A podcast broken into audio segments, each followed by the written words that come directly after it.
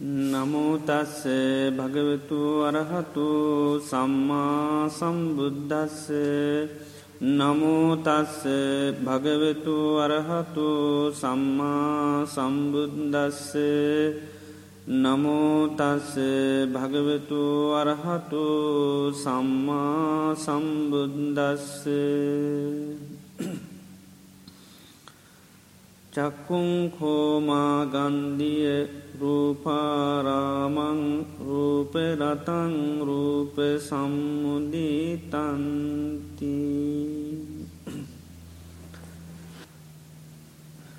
තුල්ලෝකාග්‍රම භාග්‍යවත් බුදුරජාණන් වහන්සේ දේශනා කරන්ට යෙදුණු සූත්‍ර පාටයක් දේශනා කරන්ට යෙදුණේ. දැම් මේ වෙලාවේ අපි අද සාකච්ඡා කරන්න දේශනා කණ්ඩ බලාපොරොත්තුවෙන්නේ මජ්්‍යම නිකායට අයත් මාගන්දිය කියලා සූත්‍රයක් එත්‍රා කාලයක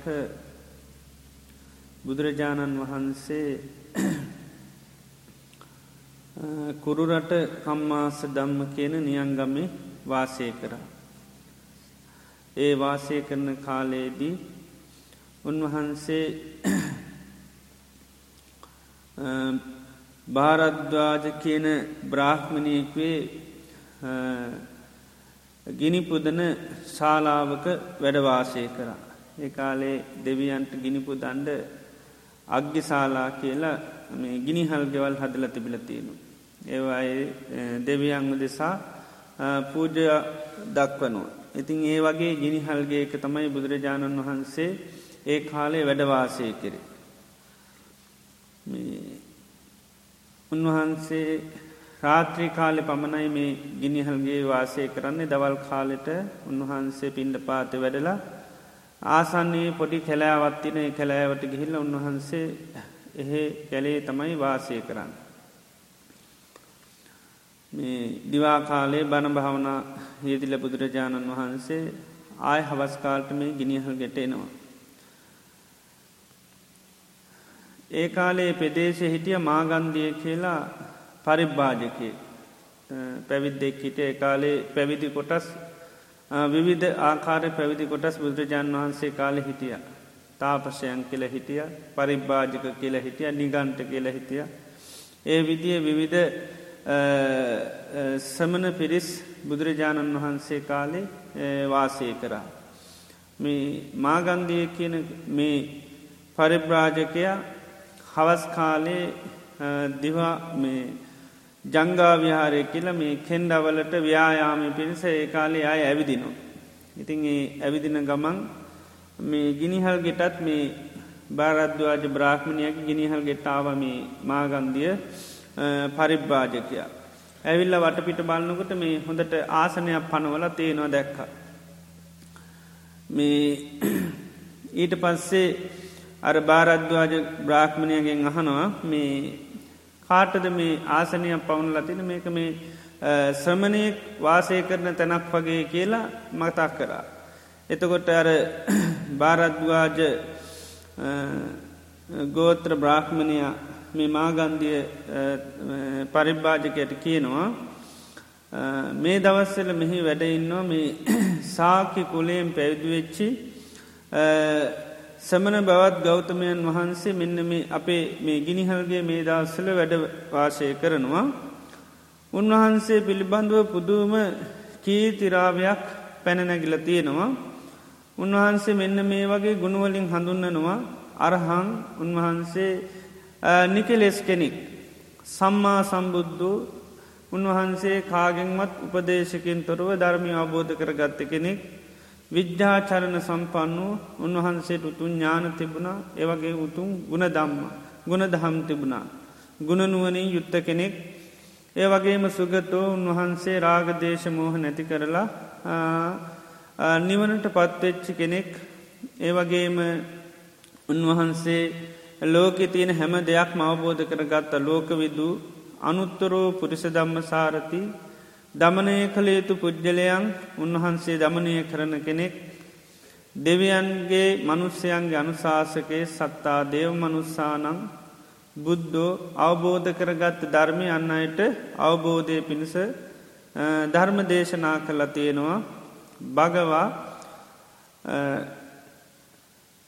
හරිම භාග්‍යවන්ත කෙනෙක් විශේෂ මේ වගේ ගුණ දරන්න භාග්‍යවන්ත කෙනෙක් මේ සමන බවත් ගෞතමයන් වහන්සේ ඉති උන්වහන්සේ තමයි මේ අපේ මේ ගිනිහල්ගේ වාසය කරන්නේ කියලා මේ භාරද්වාජ බ්‍රාක්්මණයා අර මාගන්දියත් තව සට කිව්වා. ඒ කියනකොටම අර මාගන්දිය තව සකිව්වා දුද්දිට්ටං වත භාරද්වා ජද්දසාම භාරද්වාජ මම නොදැක්ක යුතු දෙයක් මේ දැක්කේ. බුහුණෝ සමනෝ ගෝතමෝ සමන බවත් ගෞතමයන් වහන්සේ කැන මේ පිරිහීම පිණිස මිනිසුන්ගේ පිරිහිම පිණිස කටයුතු කරන කෙනෙක් ඉති ඒ වගේ කෙනෙ නිදාගත්ත තැනක් මන් දැක්ක මම මේ නොදැක්ක යුත්ත දෙයක් දැක්ක කිව්ව. මේ බුදුරජාණන් වහන්සේ පිළිබඳව ඒ කාලේ මතයක් තිබෙන උන්වහන්ස මේ සත්‍යයන්ගේ පිරිහීම පිණිස කටයුතු කරන කෙනෙ. දැ හොඳින් ඉන්න සත්වය නිවන් දක්කනවා කියනකොට මේ මිනිසුන්ගේ විනාසය පිණිස කටයුතු කරනවා. ඒ වගේම මේ ඉන්ද්‍රියම් පිනුවමින් ඉන්න සත්‍යයන් ඒවයි මුදවලම මානසික පැත්තට යොමු කරනකොට ඒ වගේම ගිහිගෙවල් අතහැල්ල කට්ටිය පැවිදිනකොට ඒක දැක්ක මේ ලෝකයේ පිරිහීමක් හැටියට. කුල විනාස කරනවා කියලා සමහර වෙලාවට බුදුරජාණන් වහන්සට කියන්නේ කුල විනාස කරන කෙනෙක් පරම්පරාවල් නැති කරනවා. දැන් පැවිදුන හම පරම්පරාවල් නැතිවෙනවානේ තේනිසාර ඒ කාලෙ ලොකු මතයක් තිබ උන්වහන්ස මේ ලෝකයාගේ පිරිහීම පිණිස කටයුතු කරනවා කියලා. එනි සමයක්ව මම මේ නොදැක්ක යුත්තත් දැක්කේ. මොකද මේ ලෝකෙ පිරිහීම පිණිස කටයුතු කරන නිදාගත්ත තැන්නම මේ දැක්කේ. ඉති ඒ විදිහට පුදුම අර අප කීර්ති කෙනෙක බුදුරජාණන් වහන්සේ පිළිබඳව තිබුණා. ඉති නිදාගත්ත තැනවත් දකින්න කැමති නතොර මේ කොච්චර අප්‍රසාදය කියනක තිබිලතියනවද බුදුරජාණන් වහන්ස පිළිබඳ. ඉතින් මේ එතකොට මරයක් කිව්වා ආහා ඔහොම කියන්න එපා මේ කටාරස්සා කරගන්න කිව්වා. දෙපාරක්ම කිව්වා මේ එහෙම කියන්න එපා ඒ සමන ගෞත්තමයන් වහන්සේ කියන්නේ මේ බහූහි තස්ස බෝතෝ ගොතම කත්තිය පණ්ඩිසා බොහෝ ශස්ත්‍රිය පණ්ඩිවරු ඒ වගේම බ්‍රාහ්මණ පණිවදු ගෘහපති පණිවරු ඒ වගේම සමන පණ්ඩිතයන් අභිප්පසන්න බොහෝම පැහැදිලිඉන්න උන්වහන්සේට ඒවගේ උන්වහන්සේ බොහොම මේ ඥානයන්ගෙන් යුත්ත කෙනෙක් ඒවගේම බොහෝ කුසල ධර්මයන්ගෙන් හික්මිච්චි කෙනෙක් මේ ඒ නිසා එහෙම කියන්න එපාකිවා බොහොම බොහෝ දෙනා පැහැදිච්චි කෙනෙක් කියලා. එතෝට මාගන්දිය පරිභ්භාජකය කෙන මම ඉදිරියේදී හම්බුනත් ඕක කියනවා කිව්වා. මේ ඉදිරියේ මුණ ගැහැච් වෙලාකුණත් මං කියන්නම් කිව්වා මොකද අපේ ධර්මය එන්න එහෙම කිව්වා. අපේ ධර්මය එන්නේ සමනගෞද්‍රවතුමයන් කියන මේ ලෝකෙ පිරිහීම ගැන කතා කරන කෙනෙක් ඒ නිසා මේ ඉදිරියේ හම්මුණු වෙලාකුණත් කියන්නම් කිව්ව. එතකොට මේ අර භාරද්වාජ බ්‍රාහ්මණය කියනවා ඔයා පස්නයෙන් ඇත මං ඔන්නන් උන්වහන්සේ ආපුහම මෙහෙම කිව්වයි කියලා උන්වහන්සේන මතක් කරන්නම් කියලා භාරද්වාජ මේ බ්‍රාහ්මණය මේ මාගන්දය දවසට මතක් කරා. ඒ වෙලාවේ බුදුරජාණන් වහන්සේට මේ දෙන්නගේ මේ සාකච්ඡාව උන්වහන්සේගේ දිවසට දිව කනට ඇහුණා. ඉති උන්වහන්සේ හවස් කාලයේදී භාවනාවෙන් නැගේ සිටල උන්වහන්සේ මේ භාරද්වාජ බ්‍රාහ්මණයගේ මේ ගිනිහල් ගෙට වැඩිය. ගිනිහල් ගෙට වැඩල උන්වහන්සේ අර ආසනය වැඩ හිටියා. වැඩ ඉඳල එක ඒ වෙලෑ බුදුරජාණන් වහන්සර භාරද්වාජ බ්‍රාහ්මණයගෙන් ඇහුව මේ අද මේ තන ඇතිරිල්ල ගැන එහම නැත මේ ආසනය පිළිබඳ යම් සාකච්ඡාවකට පත් වනාද කතාබහක් යෙදු නද කියලා. ඒක කියනකොට අර භාරද්වාජ බ්‍රාහ්මණයගේ මයිල් කෙලිම් වුණා බොහොම බීතියට බත්තු නමුකද කොහොමද මේක දැනගත්ත කියලා. ඒවෙලා වෙන කෙනෙක් හිටිය නැහැ. ඉතියා කිව්ව මේ මං මේ කියන්නමයි හිටිය ඔබහන්සේට මේ අද මෙතන පොඩි සාකච්ඡාවක් ඇතුර නමුත් ඔබහන්සේක මම කියන්නත් ඉස්සල කල් ඇතුව මැහුව කියලා මේ ප්‍රකාශ කරා. ඒ වෙලාවේ අර මාගන්දී බ්‍රාහ්මණය අර ඇවිදින්න යන ගමන් ආපස්සට එන ගමන් ආයමත් ආව මේ ගිනිහල්ගෙට බුදුරජාණන් වන්ස මේ කතාව කරනකොටම එතෙන් ඩාව ඇවිල්ල බුද මේ වාඩි වෙලා බුදුරජාණන් වහන්සේක සාමාන්‍යින් කතා බහේදිලා එකත් පසක වාඩි වුණා. මේ ඉදකට පස්සේ බුදුරජාණන් වහන්සේ කෙලින්ම එයාට මේ මතක් කරා මෙන්න මේ වගේ කාරණය. උන්වහන්සේ දේශනා කරා චක්කුංකෝ මාගන්දිය රූපාරාමං රූපරතන් රූප සම්මුදිතන්. මාගන්දිය මේ ඇස කියල කියන්නේ රූපාරාමං රූපේ තම ඇසේ ගෙදර ආරාමය කැන වාසත්තාන. න අපේ ඇස නිතරම පජංචයෙන් යන රූප තුළට රූපාරාමය කළ කියන්නේ එක රූපාරාමං රූපරතන් රූපයන්තම රූපයට තම ඇලිලඉන්නේ. රූප සම්මුදිතක් මේ ඇස නිතරම සතුටු වෙන්නේ රූපය තුළි. තන් තතාගතස දන්තන් ගුත්තං රක්කිතං සංමුතම් මේ ඇස තතාගතයන් වහන්සේ දමනය කරගෙනන්නේ ආරශ්ා කරගෙනන්නේ ආ ඒ වගේම සංවර කරගෙනන්නේ. ඒවගේම තස්සච සංවරාය දම්මන් දේශේති. ඒ ඇසේ සංවරය පිණිස දහම් දෙසනවා. ඒ නිසා දුබ මට කිව මේ බොහුණෝ සමනෝ ගෝතමෝ මේ සමන ගෞතමයන් ගැන පිරිහීම ගැන ධර්ම දේශනා කරන්නේ මෙන්න මේ කාන්නේ නිසාද කියල ඇහවා මේ ඇස සංවර කරගත්ත හින්දද මේ පිරිහීම ගැන බණ කියන්නේ කියලා. එතකොට මේ අරය කිව්වා ඔහු මං එහින්ද තමයි කියන්නේ කිව්වා මේ අපේ මොකද මේ අපේ ආගමේ එක එනවකිව එහෙම අපේ ආගම ඉන්නේ මේ ඒ කාරණය පිළිබඳ එනවා කියලා. ඊට පස්සේ ආයමත් බුදුරජාණන් වහන්සේ දේශනා කරනවා මේ කන කියල කියන්නේ සද්ධාරාමං සද්දේ තමයි තුළ තමයි මේ කන නිතරම වාසත්තානය කරගන්න. ඊළඟට සද්ධයෙන් තමයි කන නිතරම සතුටු වෙන්නේ. සද්දයට තමයි ඇලිලතියෙන්නේ. ඒ වගේම මේ තතාගතයන් වහන්සේ එන්න ඒ කන උන්වහන්සේ සංවර කරගන්න. ඒක ආරශ්ා කරගන්නවා. ඒ වගේ මේක ආරශ්ාව සඳහා ධර්ම දේශනා කරනවා. ආන ඒ නිසාද කියලා හනුව මේ ඔබ මේ කන සංවර කරගත්ත හින්දද පිරිහීම ගැන කියන කෙනෙක් හැටියට මා ගැන කිව්ව කියලෙ. තොරකිව උමන්ගේ ඒ සඳහ තමයි කිවමකද අපේ ධර්මය ඒ විදිහට තමයි එන්නේ කියලා. ඉතිං ඊළඟට බුදුරජාණන් වහන්සේ නාසය ගැනත් කිව මේ නාසය කියන්නේ ගඳ සුවද ආරාමය කොටකෙන වාසය කරන්නේ. ඒ වගේම ගඳ සුවන්දින් තමයි මේ නාසය සතුටු වෙන්නේ. ඒ වගේම එහි තමයි ඇලිලා තියෙන්නේ ඉතින් ඒ නාසේ තතාගතයන් වහන්සේ හොඳට ආරශ්ා කරගෙන තියෙන්නේ. ඒ වගේම දමනය කරගෙන තියෙන සංවර කරගෙන තියෙන්නේ.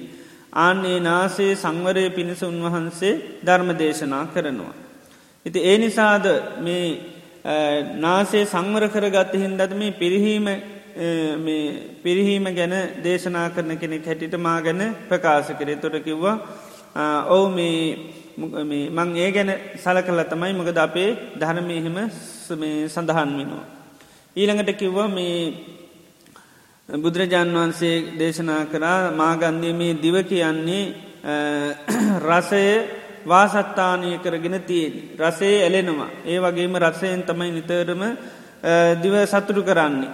ඉතින් මෙන්න මේ දිව තතාගතයන් වහන්සේ බොහොම සංවර කරගෙන තියෙන්නේ ආරශ්ා කරගෙන තියෙන්නේ. ඒරගෙන රැකගෙන තියෙන්නේ. ඒ වගේ මුන් වහන්සේගේ සංවරය පිණිස දහම් දේශනා කරනවා. ඒ නිසා දොබ මට මේ පිරිහීම ගැන කටයුතු කරන කෙනෙක් හැටියට ප්‍රකාශ කරය කියලා. ඒ වෙලා මාගන්දයකින ඔවු මං ඒ නිසා තමයි මොකද අපේ ආගම අපේ ධර්මය එහෙම තමයි සඳහන් වෙන්නේ කියලා. ඊළඟට බුදුරජාණන් වහන්සේ ආයමත් දේශනා කර කායෝකෝ මාගන්දිය පොට්ටබ් බාරාමෝ මේ කය කියන්නේ පහස ආරාමය කරගෙන වාසත්තානය කරගෙන පවතින්. ඒ වගේම නිතනම කය සතුටු වෙන්නේ කය ඇලෙන්නේ මේ ස්පර්ශයෙන් එහම නැතම් පහසින්. ඒ වගේම තතාගතයන් වහන්සේ මෙන්න මේ කය සංවර කරගෙන ඉන්නේ.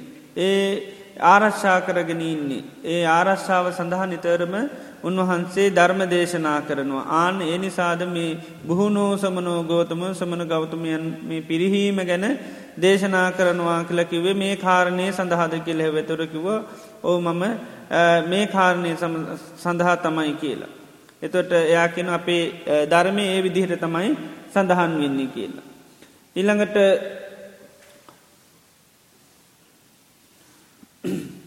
බුදුරජාණන් වහන්සේ දේශනා කරනවා මාගන්දී ඔබ මේ කාරණය ගැන කොහොමද කල්පනා කරන්න කොහොමද හිතන්න.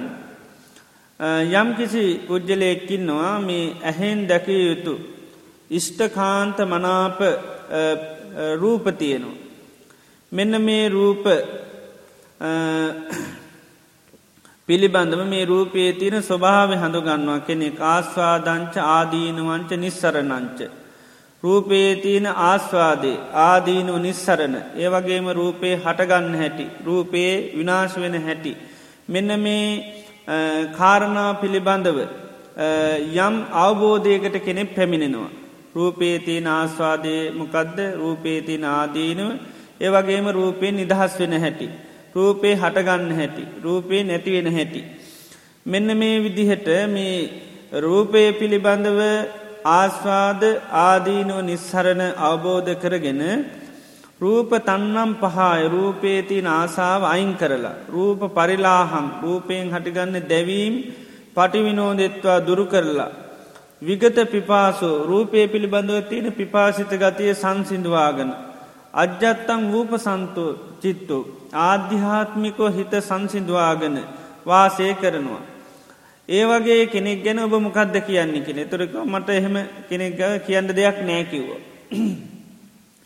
ඊළඟට සද්ධ ගැනත් කිව්වා ඒ විදිහට මේ ගන්ධ සුවඳ ගැන ඒ වගේම රස ගැන ඒ වගේම පහස ගැන මෙන්න මේ පංචකාම ගුණම රූප සද්ධ ගන්ධ රස ස්පර්ශ කියන මෙන්න මේ පංචකාම ගුණී පිළිබඳව හටගන්න ආකාරය.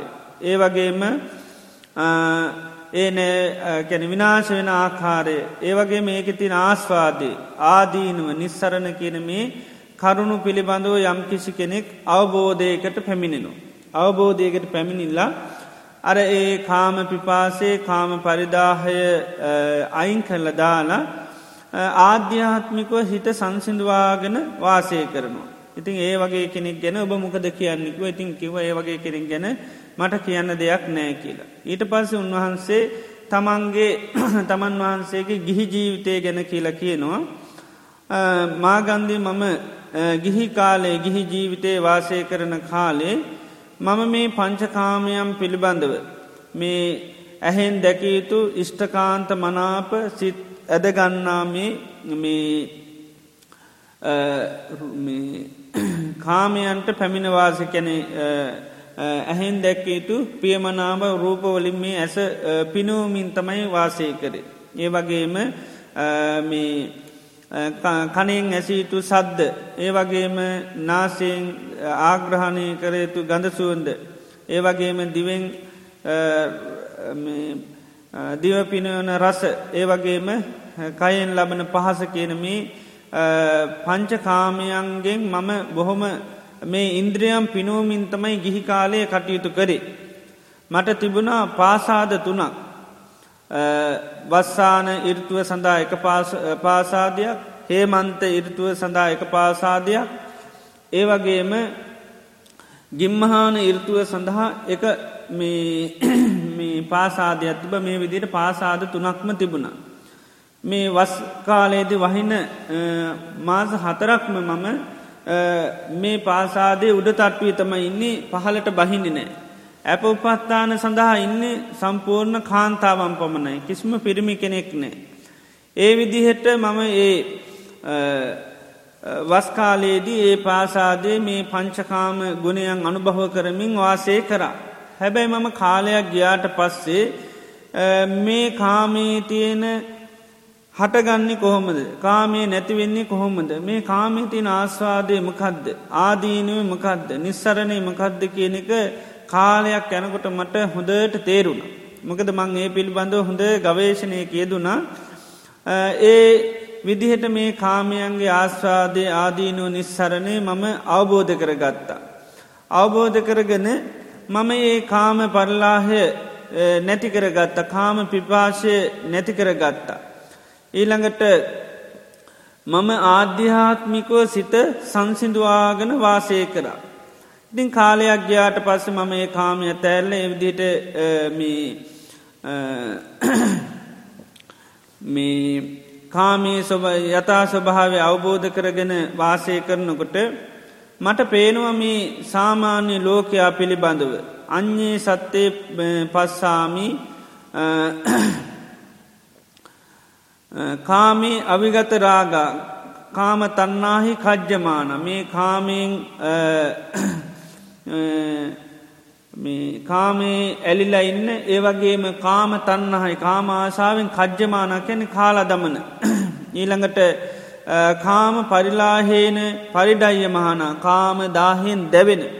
කාමී පටිසේවෙන්ති කාමී සේවනි කරන කාමී පරිහරණය කරන පුද්ගලයන් දකිනවා.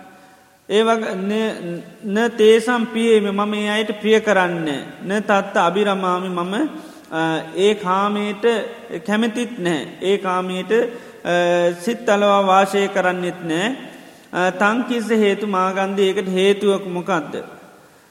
යායම් මාගන්ධී රති අන්‍යත්‍ර කාමී අන්‍යත් අකුසලේ දම්මී. අපි දිබ්බ සුකන් සමධිගහිය තිට්ටති. මං වාසය කරන මේ ආධ්‍යාත්මික සුකය කියන්නේ ආධ්‍යාත්මික සැපේ කියන්නේ අර කාමයෙන් වෙන් වෙලා. කාම අකුසල ධර්මයන්ගෙන් වෙන් වෙලා. ඒ ලැබෙන්න්න වූ ඒ මාන්සික සුවේ මේ දිව්වේ සැපයත් ඉක්මවා ගිය එකක් කියනවා. තාය රතියා රමමානු ඒ වගේ ආධ්‍යාත්මික සුවයකින් මං වාසය කරනකොට අර කාමයට ප්‍රිය කරන්නේ කියනවා. ඒ වගේම කාමීට ආස කරන්න නැහැ. ඒ වගේම කාමය වර්ණා කරන්නෙත් නැහැ. ඒ වගේම කාමේ අනුභව කරන අය දැකළ මට එහෙම ප්‍රියමනාපගතියක් ඇතිවෙන්නෙත් නෑ කියන. ඉළඟට බුදුරජාණන් වහන්සේ මේ මාගන්දයට උපමාවක් පෙන්න්නනවා. මාගන්දී මේ යම්කිසි කෙනෙක් වාසය කරනවා ආන එයා මේ කාමය අනුභව කරමින් මනුස්්‍යයන්ට අයිති මේ කාමයන් අනුභව කරමින් වාසය කරනවා. ඒගමම්ම එයා නිතරම කායෙන් වචනී මනසින් කියන මේ තුන්දරින් හොඳ කුසල ධර්මුත් කරනවා. කාමයත් අනුභව කරනවා ඒ වගේම කුසල් දහමුත් කරනවා. මේ සිතින් වචනය මනසින් කියන මේ තුන්දරින් කුසල ධර්මයන් හොඳ දේවල් කරලා එයා කාලයක් ඒ විදිහේ කුසල ධර්මයන් සිද්ධ කරලා මරණින් මත්තයා දිව ලෝක උපදිනු. දෙවියන් අතරට ගිහිල්ල උපදිනවා. මේ දෙවියන් අතර ඉපදුනාට පස්සේ. එයා දිවලෝකයේ තියෙන ඒ දිව්‍ය සැප අනුභව කරමින් වාසය කරනවා. දිව්‍ය සැප අනුභව කරමින් වාසය කරනකොට එයාට පේනුව දැම් මනුෂ්‍ය ලෝකයේ තමන් පරණ හිටපු ජීවිතේ. තමන් අනුභව කරපු කම් සැප පේනවා කාම සම්පත්තිම් පේනවා. එතවට එයාට සිතිවිල්ලක් ඇතිවෙනවද කියහනවා දැම් ආයමත් මම් මනුස්සලෝකට ගිහිල්ල ඒ මනුස්්‍යයන් විඳින සැප සම්පත් විනින් දෝනි. ඒ තත්වයට පත්තෙන් ඕනි කියලා හිතෙනවද කියලාහනු. එතට මාගන්ධ කියනවා එයාට එහෙම සිතිවිල්ලක් ඇතිවෙන්නේ නැහැ. එයාට හිතෙන නෑ ආයමත් මනුසුලෝකට ඇවිල්ල මනුස්්‍යයන්ට අයිති දේවල් ඒ පංචකාමය අනුභව කරන්න ඕනි කියලා හිතෙන්නෑ කියලා. බුදුරන් වහන්සේ හනු මොකද කියලා හනු එකට හේතුව. එතොට කියනවා එයා ඒ දිවලෝකයේ ලබන ඒ සැප සම්පත් දිහා දැක්කා මේ මනුස්්‍ය සම්පත් කියන්නේ බොහෝම අල්ප දෙයක්. මකද මනුස්්‍යයන්ගේ මේ සැප සම්පත්තන්ට වැඩිය දෙවියන්ගේ දිව්‍ය සැප සම්පත් ඉතාමත්ම ඉහල ස්වභාවයකින් පවතින් උසස් තත්ත්වයකින් තියනේ නිසා එමුදු උසස්තත්වයක් ලැබුණට පස් අර අර පහත්දේකට අය කියටවත් ප්‍රියමනාප වෙන්න නෑ කියනවා. ඒකට ආය වැටෙන් ඕනි කියල හිතෙන්නෙත් නෑ කියනවා. බුදුරජාන් වන්සකෙන ආනේ වගේ තමයි මමත් ගෙදර ඉන්න කාල මේ පංචකාමයන් අනුභව කරා මේ පංචකාමයන් තුළින් මේ ඉන්ද්‍රියම් පිනෙව්වා නමුත් මම කාලයක් ගයාට පස්ස මේ කාමී තියන ආස්වාදාදීනු නිස්සරණ අවබෝධ කරගෙන මම ඒ කාමයන් අතහැරලා ආධ්‍යාත්මික හිත සංසිින්දුවාගෙන උන්වහන්සේ මේ මානසික සුවයෙන් කටයුතු කරනවා. ඉතින් අන්නේ එහෙම කටයුතු කරනකොට අර තමන් වහන්සේ අතහැරපු කාමීට අය තමන් හිත යන්න නෑ කියනවා.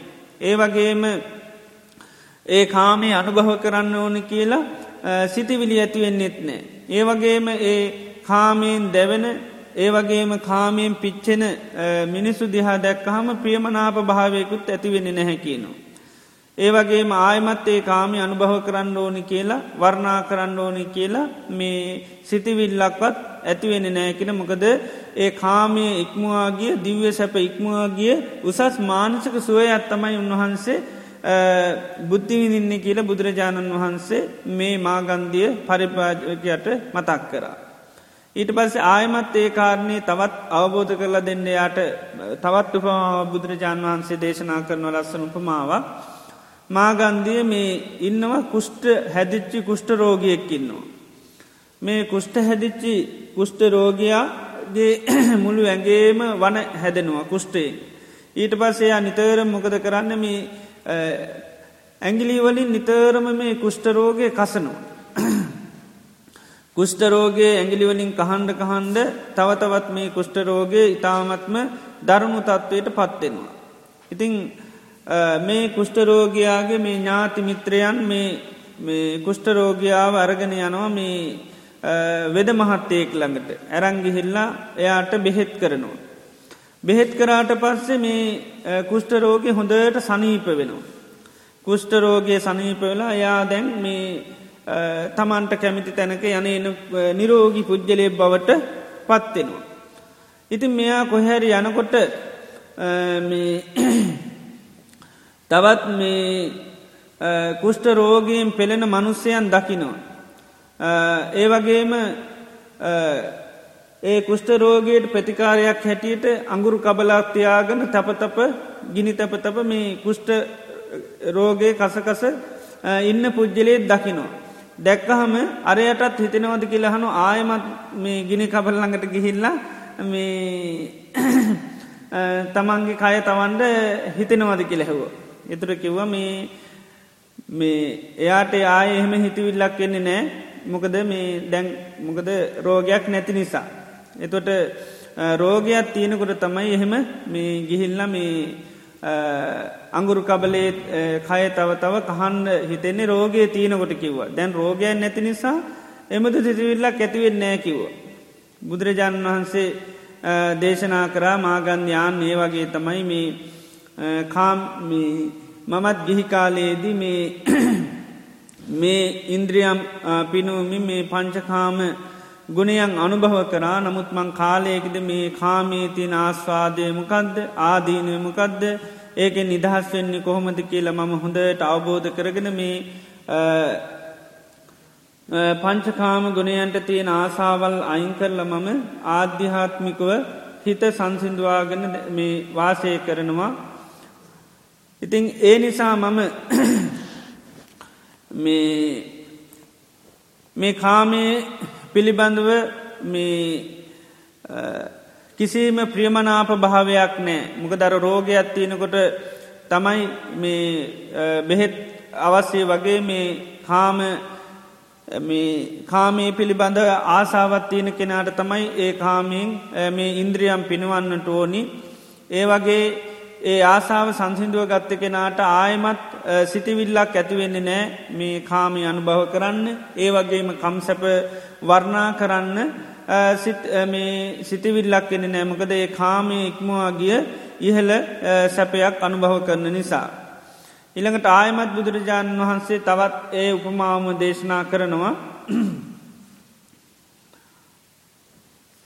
මාගන්දිය අර වගේම මේ කුෂ්ට්‍ය රෝගී පුරුසයකින්නවා ඉතිං එයා නිතරම අඟුරු කබලකින් තමන්ගේ කය මේ හොඳටම තව තව කසකස මේ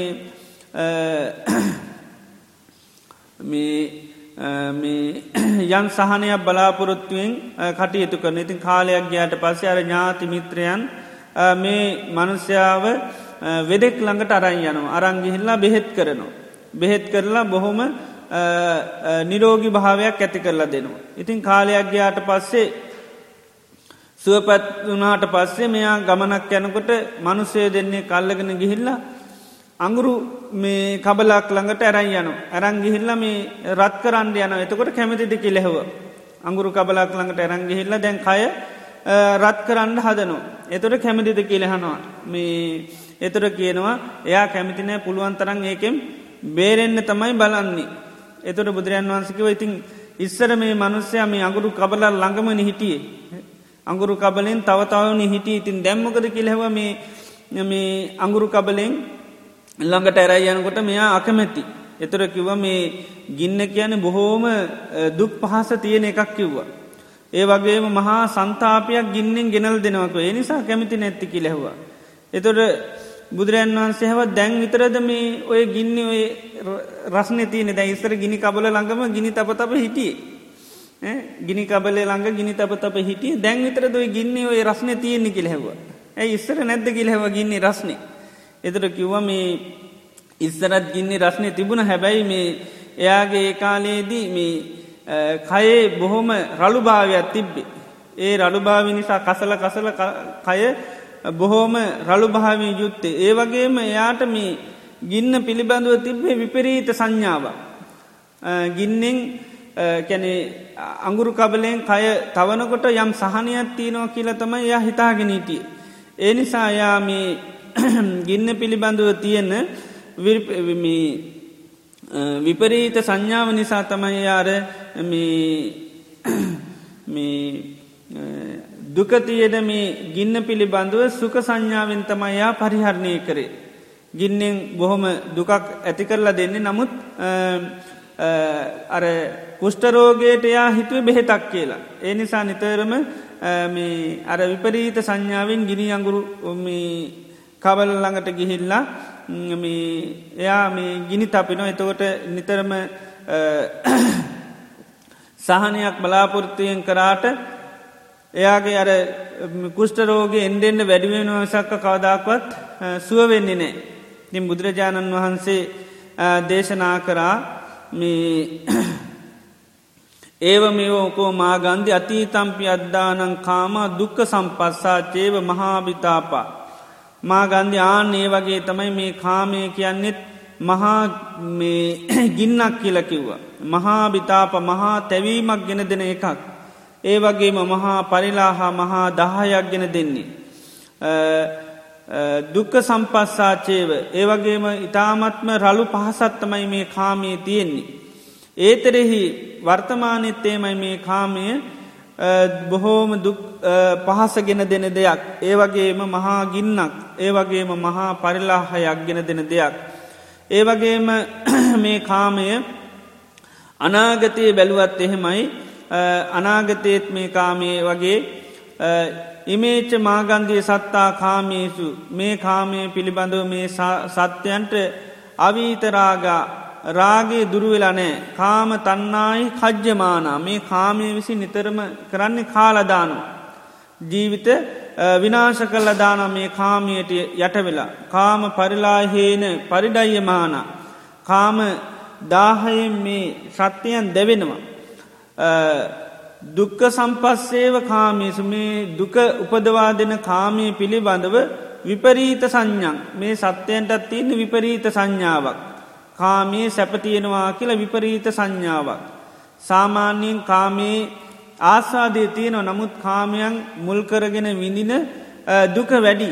ඒ නිසා ඒ දුක දිහා බැලුවහා මන්න කාමයෙන් ලැබෙන ආස්වාදය පොඩ්ඩයි. ඉති ඒ නිසා කාමයම් පිළිබඳව ලෝක සත්‍යයාට බුදුරජාණන් වහන්සේ දේශනා කරන්න මේ විපරීත සංඥාවත් තමයි තියෙන්නේ සැප තියෙනවා කියලා නමුත් සම්පූර්ණ කාමයම් මුල් කරගෙන ලෝක සත්වයාට විඳින්න තියෙන දුක. ඒ නිසා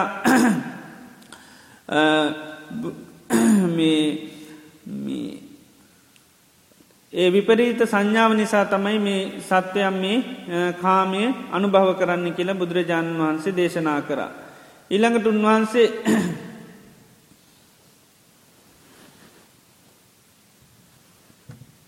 ඊළඟට මේ මාගන්දි තාපසයාට දේශනා කරනවා අය අර උපමාවම පෙන්නුම් කළ කියනවා මේ කුෂ්ටරෝගී මනුස්සේ කරවිදිහේ මේ ගිනි කබලකින් කය තව තව කහනකොට මොකද වෙන්නේ? අර මේ කුෂ්ටරෝගය එන්ඩ එන්නම වැඩි වෙනවා. එක අඩුවෙන්නේ නෑ ඒ ඊට පස්සේ මේ කුෂ්ටරෝගය කුණු වෙලා මේ චූටි ආස්වාදයක් ලැබෙනවා. ඉති ඒ ආස්වාදය බලාපොරොත්තුවෙන් තව තවත් කරනකොට රෝගේ වැඩියෙනවා මිසක්ක අඩුවෙන්නේ නෑ ආන් ඒ වගේ කියන මේ කාමය අනුභව කරන අයටත් කාමි අනුභව කරන්න කරන්න කාමාචාව වැඩිවෙනවා මිසක්කත් අඩුවෙන්නේ නෑ කියනවා. නමුත් අර කහන්ඩ කහන්ඩ යන් ආස්වාදයක් තියෙන වගේ තමයි මේ කාමීත් කාමි අනුභව කරනකොට සාතමත්තා අස්සාධමත්තා මේ පංචකාමී පරිහරණය කරනකොට ඉන්ද්‍රියම් පිනකොට යම් ආස්වාදයක් තියෙනවා.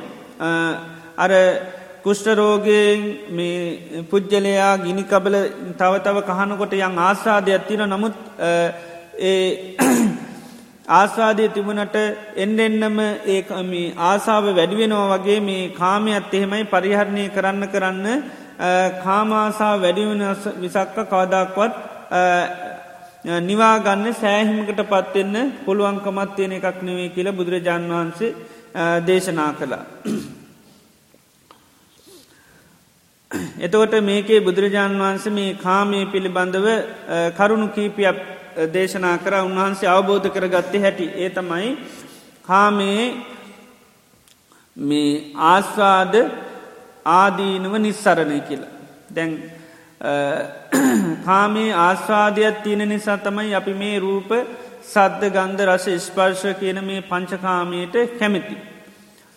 මේ ආස්වාදය කියල කියන්නේ දැන් රූපයක් නම් රූපය මුල් කරගෙන අපිට සතුටත් සොම්මනසක් හටගන්න.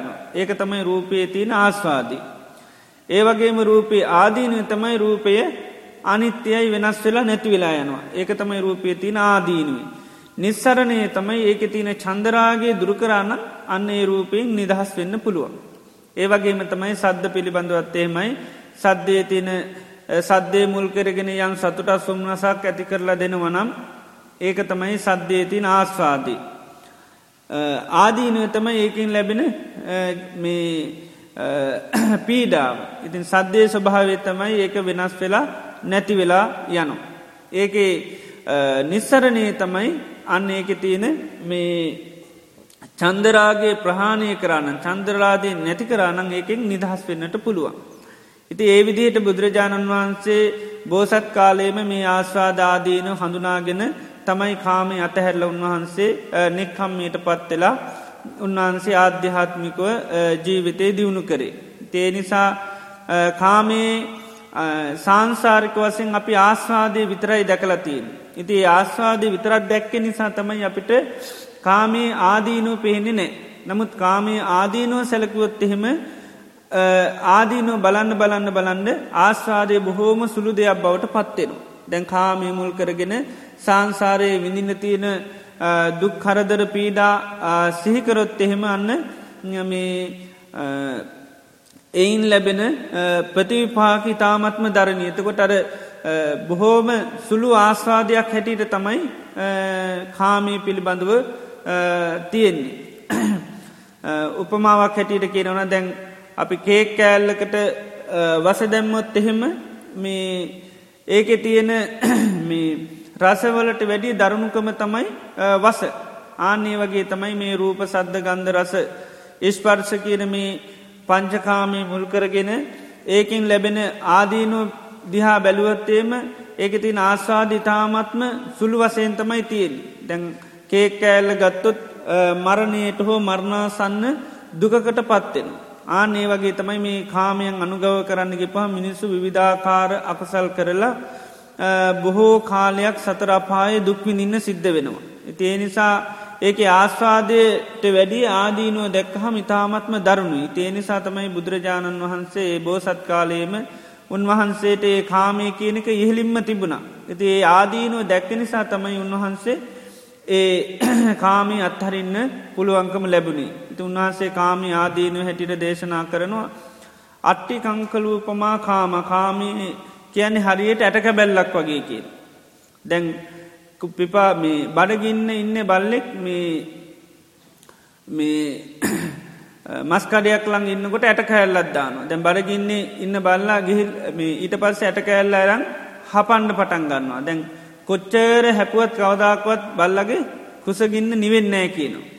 ආන්නේ වගේ කියන මේ අපි අපේ මේ ඉන්ද්‍රියම් පිනුවල කොච්චර කාමය අනුභව කරත් කවදාකවත් ඇතිවෙන්නෑ කියනවා. සෑහීමකට පත්වෙන්න පුළුවන්කමක් නෑ කියනවා. දැට කැලල්ලින් කවදාකවත් බඩ පිරෙන්නේ. ඒ වගේ තමයි මේ ඉන්ද්‍රියම් පිනෝල අපි කවදාක්වත් සෑහීමකට ඇතිවීමකට පත්වෙන්නේ.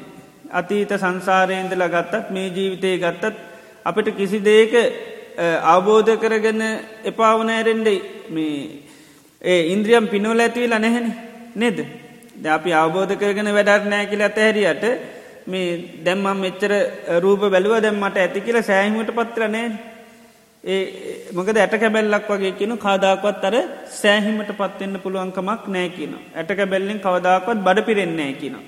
ඒ වගේ ඉන්ද්‍රියම් පිනෝල කවදාක්වත් මේ ආසාාවනමිටි ගින්න කවදාකොත් නිවාගන්න බෑ කියන. බල්ලගේ තියෙන කුසගින්න නිවෙන්නෑ වගේ තමයි අපේ ආසාාවනමැති ගින්න කවදාකොත් රූප බලල සද්ධහල ගඳ සුව දාග්‍රහණය කළ කවදාකොත් නිවාගන්න බැරි එකක් කියන. ඒ වගේම කාමය කියන්න මස්ස දැල්ලක් කියන ද මේ රූප සද්ධ ගන්ධරස ස්පර්ශ මස්ක වැදැල්ලක් දැ මස් වැදැල්ලක් කපුටෙක් හරේ වෙනත් සතෙක් ගත්තහම ඒ සතාට කවදාකොත් බේරිල්ලක් නෑ. ඒ මස් වැදැල්ලතින අනිත් ඔක්කෝම ඒ ඒ සතා පිටි පස්සේ පන්නනවා. ආනේ වගේ මේ කාමය කැන පොදු දේවල් දැන් අපි අපේ දේවල් කියලා අපිට අයත් දේවල් කියලා අල්ලගත්තට කාමියන් නිතරම පොදු ඒ පොදු දේවල් නිසා තමයි මේ ලෝක හැම කෙනෙක්ම මේ කාමියන් නිසා විවිධාකාර විදිහට මේ තවත් කෙනෙක් අයත් කරගෙන ඉන්න දේවල් ලබා ගන්නට වෙහෙස දරන්න මොකද කාටත් පොදු දෙයක්. කවුරුත් මේ ලබාගත්තට වැඩක්නයමකද පොදු දෙයක් නද හැමෝම ඒකට සටන් කරනවා. ඉති ඒක මුල් කරගෙන විවිධාකාර දුක්කයන්ට මූුණ පාණ්ඩයන ඉතින් සමාජයේව ඕන තරන් දැක ගන්න පුළුවන්.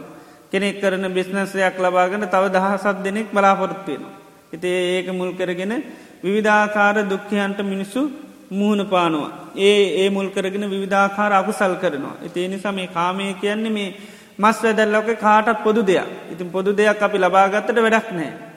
අර දැම් මස් වැදැල්ල එක කුරුල්ලෙක් ගත්තට වැඩන්නේ. ඌ අල්ලගෙන ඉන්න තාක්කල් ෝට නිදහසක් නෑ. ඌට කණඩ ලැබෙන්න්නෙත් නෑ නිදහසකුත් නෑ. අනිත් කුරුල්ලො ටික ඔක්කෝම පිටි පස්සේ පන්නනවාන්නේ වගේ කියන කාමී. ඊළඟට බුදුරජාණන් වහන්සේ දේශනා කරනවා මේ කාමය කියන්නේ මේ හුළුවත්තක් වගේ කියනවා. දැ හුළුවත්තක් අල මේ අල්ලගෙන හිටියොත්මකද වෙන්නේ. හුළුවත්තක් අල්ලන හිටියොත් මේ පිච්චිලේනවා ඒවගේ තමයි මේ කාමි අල්ලඉන්න තාකල් සත්‍යයන්ට ශෝක පරිදේව දුක්කදෝ මන සුපායාසයන් තමයි හටගන්න. ඉති අන්නේ එනිසා මේ හුළුවත්තක් වගේ කියලා කියනවා කාමි. ඒවගේම කාමය කියන හීනයක් වගේ කියනවා. දැන් අපි හීනෙන් මොනදේ ලැබුවත් කවදක්වත් ඒක මේ වර්තමාන කර ගන්න බෑ. මේ මොහොතේ ඇත්තක් කර ගන්න බෑ. හීනෙන් රජවෙලා හිටියත් වැඩක්නෑ. ඒවගේ තමයි දැන් අපි මෙතෙක් අනුභව කරපු කාමී අපිට දැම් හීනයක් වගේන. දැන් ඒක වර්තමාන කරගන්න පුළුවන්ද. දැන් කාපු බේපු ඒ දේවල් වලින් දැන් මේ වෙලාවේ කිසි පලක් නෑනක දැහීනින් ලබපු දේ හා සමානයි. දැ හීනේ රජවනාට නැගිට්ට පස්සේ රජකමනෑ නෙද? ඒවගේ තමයි දැන් මෙතෙක් අපි ඉන්ද්‍රියම් පිනුවන ලබපු දේවල් ඒ වගේ හීනයක් වගේ තියෙනවා. දැන් ඇත්තක් කරගන්න බැහැ මේ මොහොතට. දැ ඒකින් අපිට සීකරලා සතුටු සතුටක් ඇති කරලා සෑහිමට පත්වෙන්ට බැහැනි දැන් සීකරොත් ආසාාව ඇතිවන ආසාාව ඇතුුණු තායේදේ ලබන්න වෙනවා. ඒකයි. දැහීනේ සීකරොත් රජකම හීනේදී හොඳයි අය හීනයක් දකිින් දෙනවා මේ අය රජකම ලබන්න නේද. නැත්තං වර්තමාන කරගන්න බැයි වගේ තමයි අර මෙතෙක්කා අපි මේ ඉන්ද්‍රියම් පිනුවල ලබපු ඒ සතුට සොමනස කියන එක අපිට සීකරොත් සතුරත්තින නමුත් ඒක වර්තමානය ඒකෙන් සැහිමිට පත්වෙන්න බෑ ආයත් ඉන්ද්‍රියම් පිනුවල ඒ සතුට ලබන්න වෙනවා. තේ නිසා මේ හීනයක් වගේ කියල කියනෝ කාමේ. මේ ඒ විදියට විශාල වසයෙන් බුදුරජාණන් වහන්සේ මේ කාමයන්ගේ ආදීනව බුදුරජාණන් වහන්සේ පෙන්නලතියනවා. ඉති ඊට පස්සේ උන්වහන්සේට ඒ දේශනාව කරගෙන යන ගමන් උන්වහන්සේට බොහොම මේ උදාන වාක්‍යයක් ගාථාවක් මතක් වෙන උන්වහන්සේ දේශනා කර ආරෝග්‍යා පරමාලාබා නිබ්බානම් පරමන්සුකං අට්ටංගිකෝච මක්ගානං කේමං අමතගාමිනම්. ආරෝග්‍යා පරමාලා බමි මානසික නිරෝගිකම තමයි තියෙන උතුම්ම ලාභය කියලා. ඊළඟට නිබ්බානම් පරමන්සුකම් මේ ලෝකේ නිවීම හිතේ ඇතිකර ගැනීම තමයි ඉතාමත්ම තියෙන සැපේ. අට්ටංගිකෝච මක්ගානන් කේමං අමතගාමිනම් මේ නිවන් දකිින්ට තියෙන එකම මාර්ගමේ ආර්යෂ්ඨාංගික මාර්ගය කියලා උන්වහන්සේට පීතිවාකයක් දේශනා කරා. ඒක අහනකොටට මාගන්දිය පරිභාජකය බුදුරජාණන් වහන්සේට කියනවා ආ බොහොම හොඳ වටිනා ගාථාවක් හාමේ බොහොම ලස්සන ගාථාවත් දේශනා කරමි ආරෝග්‍යා පරමාලාබ නිබ්බානම් පරමන්සුකං මොකද මේ අපේත් ආචාර්ය පරම්පරාවේ ඕක තියෙනවා කිව්ව. අපේ ආචාරවරු අපිට උගන්ලති නොමේ ආරෝග්‍යා පරමාලාබා නිබ්බානම් පරමන්සුකං. එතට බුදුරජාණන් වහන්සේ මේ මාගන්දී පරිභාජකෙන් එහවා මේ මොකක්ද ඔයා කියන ඔය ආරෝග්‍ය මොකක්ද ඔයාගේ ඔය කියන නිවන ඔයාගේ දැන් ආචාරි පරම්පරාවෙන් ඇවිලති නොනේ නිරෝගිකම උතුන් ලාභයක්. ඊළඟට මේ නිවන උතුන් සැපයක් කියලා. එතොට අර මාගන්දී පරිභාජය තමන්ගේ අත්පා එහෙම ටිකක් මෙව කල්ල කිව මේ ගෞතමයන් වහන්ස මේ කාලෙ මට කිසිීම රෝගාබාධයක් නෑ තියනි සමම් බොහෝම නිරෝගිසුවයෙන් ඉන්න. ඊළඟට ඒකම මට සැපයක්. ඒ නිසා මේ මට කිසි ආබාධයක් නෑ එනිසා මම බොහොම නිරෝගි කනෙ එනිසා මට ලොකුම ලාබේ තියනවා. ඒ වගේම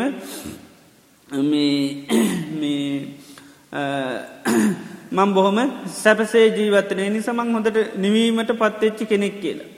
ඒක මතක්කරාට පස්සේ බුදුරජාණන් වහන්සේයට කියනවා මාගන්දී මේ ජාතියෙන් අන්ද මනුස්සෙක්කින්නවා. එයාට මේ ලෝකෙ තියෙන මේ කිසිම මේ දෙයක් පේනෙ නෑ. නිල් පාට රතු පාට පේනෙ නෑ. ඉරහන්ත තාරකා පේනෙ නෑ. ඊළඟට මේ මේ පාරවල් තොටවල් පේනෙ නෑ. ඉතින් මෙන්න මේ මනුසයාට ඇහෙනවා මේ ඇස් ඇති මනුසයක් කියනවා මේ ලෝකෙ මේ සුදූ පාට වස්ත්‍රයක් තියෙනවා. ඊළඟට මේ බොහෝම ලස්සනයේ වස්ත්‍රය. මේ ඉති ඊට පස්සේ යාටත් ආසාාවක් හිතන මේ සුදුවස්ත්‍රය අඳින්න ඊළඟට මේ සුදුවත්‍රයක් හොයාගන්න ආසාාවක් ඇතින මේ දැන් අන්ද මනුස්සයාට. එයා දැන් සුදුවත්‍රයක් හොයාගෙන යනු. සුදුවස්ත්‍රයක් හොයාගෙන යනකොට මේ එක වංචා කරන මනුස්සේ කරන්නේ මේ දූවිලි දැලි ගෑවිච්චි ඉතාම දුරුවල වස්ත්‍රයක් ගෙනල්ල මේ අන්ද මනුස්සයට දෙනවා මේ මෙන්න මේ සුදු වස්ත්‍රය ඇතින ඔයා කැමතිනම් ගණ්ඩ කියලා ඊට පස්සය අන්ද මනුස්සය අර සුදු වස්ත්‍රය ගන්නවා දූවිලි දැලි ගෑවිච්ච වස්ත්‍රය ඇඳගෙන මිනිස් වතරට ගිහිල්ල බල කියනවා මේ බලන්න මගේ සුදු වස්ත්‍රයේ ලස්සන කියල මේ තමන්ගේ සුදු වස්ත්‍රය කියල අර දැලි ගෑවිච්ච වස්ත්‍රය ඇඳගෙන මිනිස්සු ළඟට ගිහිල්ලා පෙන්නවා. අන්න නමුත් එයා මේ සුදුවස්ත්‍රය පිළිබඳ අවබෝධයකින් කියනව නෙවේ. සුදුවස්ත්‍රයේ දැකල කියන නෙවේ අර මනුසේ කියපුේ ඒක විශ්වාස කරගෙන තමයි මේ පිරිසුදු වස්ත්‍රයක්ය සුදුවස්ත්‍රයක් කියල කියන නමුත් සැබෑ සුදුවස්ත්‍රයක් නෙවේ ආනේ වගේ තමයි යෝකට්ටිගේ පරම්පරාවේ ගුරුවරු. මේ ආරෝග්‍ය කියන්නේ මොකක්ද කියලා අවබෝධ කරගෙන නෙවේ ඒ වගේම නිවන කියන්නේ මොකක්ද කියන එක අවබෝධ කරගෙන නෙවේ මේ ඔය මේ ආරෝග්‍යා පරමාලාබා නිබ්බානම් පරමන්සුකං කියන්නේ බුදුරජන් වන්ස කියන මේ අතීතයේ අයහත් සම්මා සම්බුදුරජාණන් වහන්සේලා දේශනා කරපු ගාථාවක් ඒතරෙහි අනුපුබ්බේනු පොතුජ්ජන ගතා කියනවා මේක පිළිවලින් මේ සාමාන්‍ය මිනිස්සු අතරට ඇවිල්ල කියනවා. උන්වහන්සේ දේශනා කරන මාගන්නේ මේ කය කියන්නේ රෝග භූතු රෝග හැදන එකක් කිව්වා. අන්ඩ භූතු මේක මේ ගඩුවක් වගේ කිව්වා. ගඩුවක් නිතරම පෑරෙන ඒ වගේ මේ කයත් ඒ වගේ කිව සල්ල භූතු මේක හුලක් වගේ කිව්වා. අගභූතු මේක කැරල බිල්ලයන එකක් කිව්වා. එමුදු කයක් පරිහරණය කරමින් මේ බොහොම නිරෝගී කියල කියනවනම් මේක ඒ වගේම බොහොම නිවනක් හැටියට මේ කය ගැන කියනවනං මේ ඒක තමන්ගේ නොදන්නාකම නිසා ඉතින් ඒ නිසා මේ මාගන්දිය මේ ආර්ය ඇසක් නැති කෙනෙකුට එයාට දැනගන්න පුළුවන්කමන් නෑ කියන මේ නිරෝගිකම කියන්න මොකක්ද එහෙම නැත්තන් නිවන කියන්න මොකක්ද කියන එක මේ ආර්ය නූනත් තියෙන කෙනෙකුට විතරයි දැකගන්න පුළුවන් වෙන්න කියල බුදුරජාණන් වහන්සේ දේශනා කරා. දැන් අදත් අපි සාමාන්‍යයෙන් කියනවන නේද. නිරෝගිකමට ආරෝග්‍යා පරමහලාබා කියල නේද. තැන් ඒක ඇත්තටම බුදුරන් වන්ස කියන්නේ පොතජ්ජන භාවයට පත්තිල කියලේ ඒ උන්න ආර්යන් වහන්සේලා දේශනාක ඇත්තටම බුදුරජාණන් වහන්සේක දේශනා කරන්නේ මේ ආරෝග්‍යා පරමා කියන්නේ මානසික නිරෝගිකමට. මොකද කය කියන එක නිරෝගිකමෙන් පවත්තන්න බෑ ඉති කය නිරෝගිකම තිබුණයි කියල උතුන් මලාබේ වෙන්න නැහැ මනස නිරෝගි නැත්තම්. ඉති එනිසා මේ බුදුරජාණන් වහන්සේේ ආරෝග්‍ය පරමලාබා කියන මානසික නිරෝගිකම පිණිස කියනවා. ඊළඟට නිබ්බානම් පරමංසකං කැන නිවන පිණිස. ඊළඟට මේ මේ මාගන්දිය බ්‍රාහ්මණය බුදුරජාණන් වහන්සේට කියනවා මේ මම ඔබහන්සේගේ බනහල බොහෝම පැහැදුන බොහොම පසන් භාවට පත් වනා ඉති මං කැමති මේ නිරෝගිකම කියන්න මොකක්ද මේ නිරෝගිකම කොහොම දැතිකර ගන්න කියලා මම දැනගණ්ඩ කැමති ඒ නිසා මට අනේ ඒ විදිහට ධර්ම දේශනා කරන්න කියලා මේ මාගන්දිය මේ පරිභාජක බුදුරජාණන් වහන්සේට ආරාධනා කර එතොට ආයමත් බුදුරජාණන් වහන්ස උපමාවක් කියන මේ මාගන්දිමේ උපතිම් අන්ද මනුස්සෙක් ඉන්නවත යාට අර විදිහ ලෝක තියෙන කිසිීම දෙයක් පේනෙ නැහැ.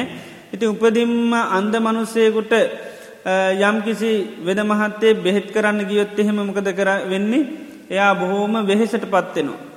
එයාගේ ඇස් සුවවෙන්න නැත්තං කොච්චර බෙහෙත් කරේ නැත්තං එයා වෙහෙසට පත්වෙනවා. ආන්නේ වගේ තමයි මේ මම ඔයාට කොච්චර ධර්ම දේශනා කරත් මේ ඔයාට ලේසියෙන් මේ ආරෝග්‍ය කියන්න මොකක්ද නිවන කියන්න මොකක්ද කියන එක ලේසියෙන් අවබෝධ කරන්න බෑති මම වෙහෙසකට පත්වෙන්නේ වේම තමයි වෙන්න ඔයාට බණ කියන්න ගියොත් කියලා. ඊට පස්සේ ආයමත්‍යයා කිනො නෑනෑ අනේ මට මේ ධර්ම දේශනා කරන්න මං කොහොමර මේක අවබෝධ කරගන්නම් මේ කියලා. ඊට පස්ස බුදුරජන් වහන්සේ ආයමත් අර උපමාවම කියනවා ජාතින් උපතින් අන්ද මනුස්සයකුට මේ ලෝක අර නිල් පාට රතු පාට පේනෙ නෑ ඉතින් එයාට අර වගේ සුදු වස්ත්‍රයකින් මනුස්සේ ක්‍රවටනවා රවටල දුළු දූවිලි දැලි ගෑවිච්ච වත්‍රයක් දීලා සුදු වස්ත්‍රයක් කියලා රවට්ටනවා. ඉතිං එයාගේ ඥාති මිත්‍රයමකද කරන්න මේ වෙද මහත්තේ ළඟට ගිහිල්ලා එයාට මේ ඒ ඇස් සඳහා ප්‍රතිකර්ම කරනවා. ප්‍රතිකර්ම කරලා එයා නිරෝගී ඇස් පේන පුද්ජලේ බවට පත්වෙනවා.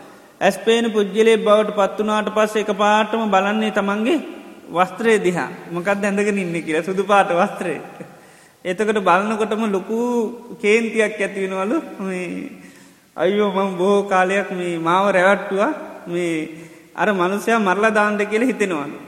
මොකද මේ තමන් සුදු වස්ත්‍රයක් කියලා කාලයක් තිස්සේ පරිහරණය කරගෙන ඇවිල්ල තියෙන්නේ මේ මේ ඉතාමත්ම දූවිලි දැලි ගෑවෙච්චි මේ වැහැරිලි වස්ත්‍රයක් තමයි සුදු වස්ත්‍රයක් කියලා ඇඳගෙන ඉති. ඒ නිසා බොහෝම කලකිරීමක් ඇතිවෙනවනු දීගරත්තං වතබෝ ඉමිනාපුරුසේන මේ මනුස්්‍යයසි මං බොහෝ කාලයක් මේ රැවැට්ටුවානි කියලා ඒ මනුස්්‍යය පිළිබඳව ලොකු වෛරයක් තරහක් සමහල්ලාට ඇතිවෙනවලු.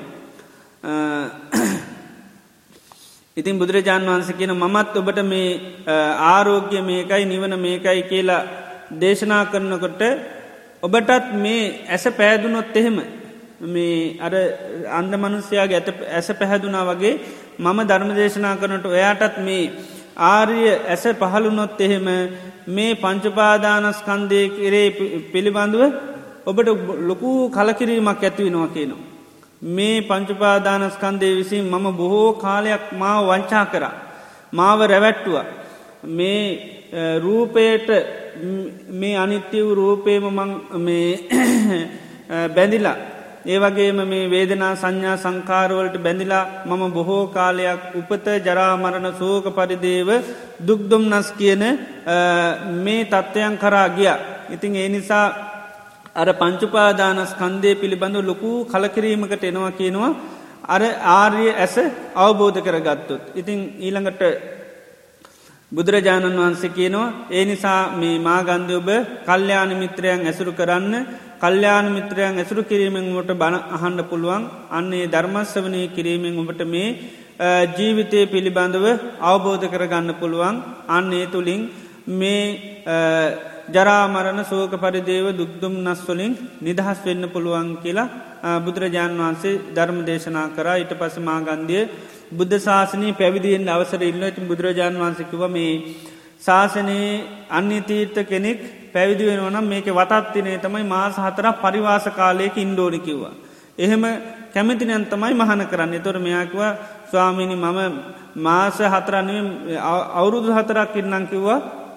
එහෙම ඉඳලා බිස්සුන් වහන්සේලා මාව පැහැදුනුත් පැවිදි කර ගන්න කෙනෙ ඊට පස්ස උන්වහන්සේ මේ මාගන්දිය පරිභාජක පැවිදි කරා. පැවිදි උනාට පස්ස මේ ස්වාමීන් වහන්සේ මේ විවේකීව වාසය කරමින් උන්වහන්සේ මේ බණ භාවනා කරලා උන්වහන්සේ චතුරා සත්‍ය අවබෝධ කරගෙන අරිහත්වයට පත්වනා කියලමේ දේශනාවේ සඳහන් වෙනවා. ති මේ දේශනාවේ මේ කාමය පිළිබඳව ආස්වාදාදීනුව දේශනා කරලා තියෙන තින් ඒ කාමයන්ගේ ආස්වාද ආදීනු නිස්සරණ අවබෝධ කර ගත්තොත් තමයි අපට මේ කාමයන් අතහැරල මේ විදිහේ ආධ්‍යාත්මික සුවය කර අපේ ජීවිතය පවත්වාගන්න පුළුවන්කම ලැබෙන්නේ. ඒ නිසා අපිට නිරන්තරයම මේ කාමයේ ආදීනුව සැලකීම ඉතාමත්ම වටිනවා.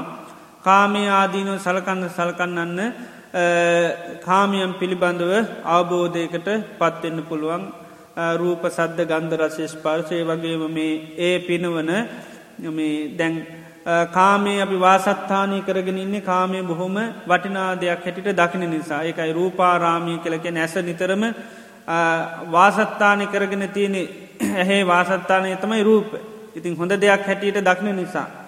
ආදීනු දකින කොටන්න රූපයේ ඇසේ වාසත්තානය රූපය වෙන්න නැහැ. ඒක පජංචයට යන්නේ නැහැ. ඉති ඒ නිසා තමයි මේ කාමයන්ගේ ආදීනු බුදුරජාන් වහන්සේ සලකණ්ඩකනේ සලකන්න සලකන්න අන්න කාමය අත්හරින්ට පුළුවන් මේ රූප අපේ ආවාසය කරගන්නේ නැහැ. ඉති ඒ නිසා කාමයන්ගේ ආදීනු සැලකුවත් අන්න අපිට ඒක අවබෝධ කරගන්න පුළුවන්. ඉතිං කාලෙක්ම ගේ නිසා අපි දැන් මේ දේශනාව අවසාන කරනවා ඉදිරියට සක්මම් භාවනාව නම් කත් වාසය කරමු කවුරුත් එහෙනම් සාධකාර.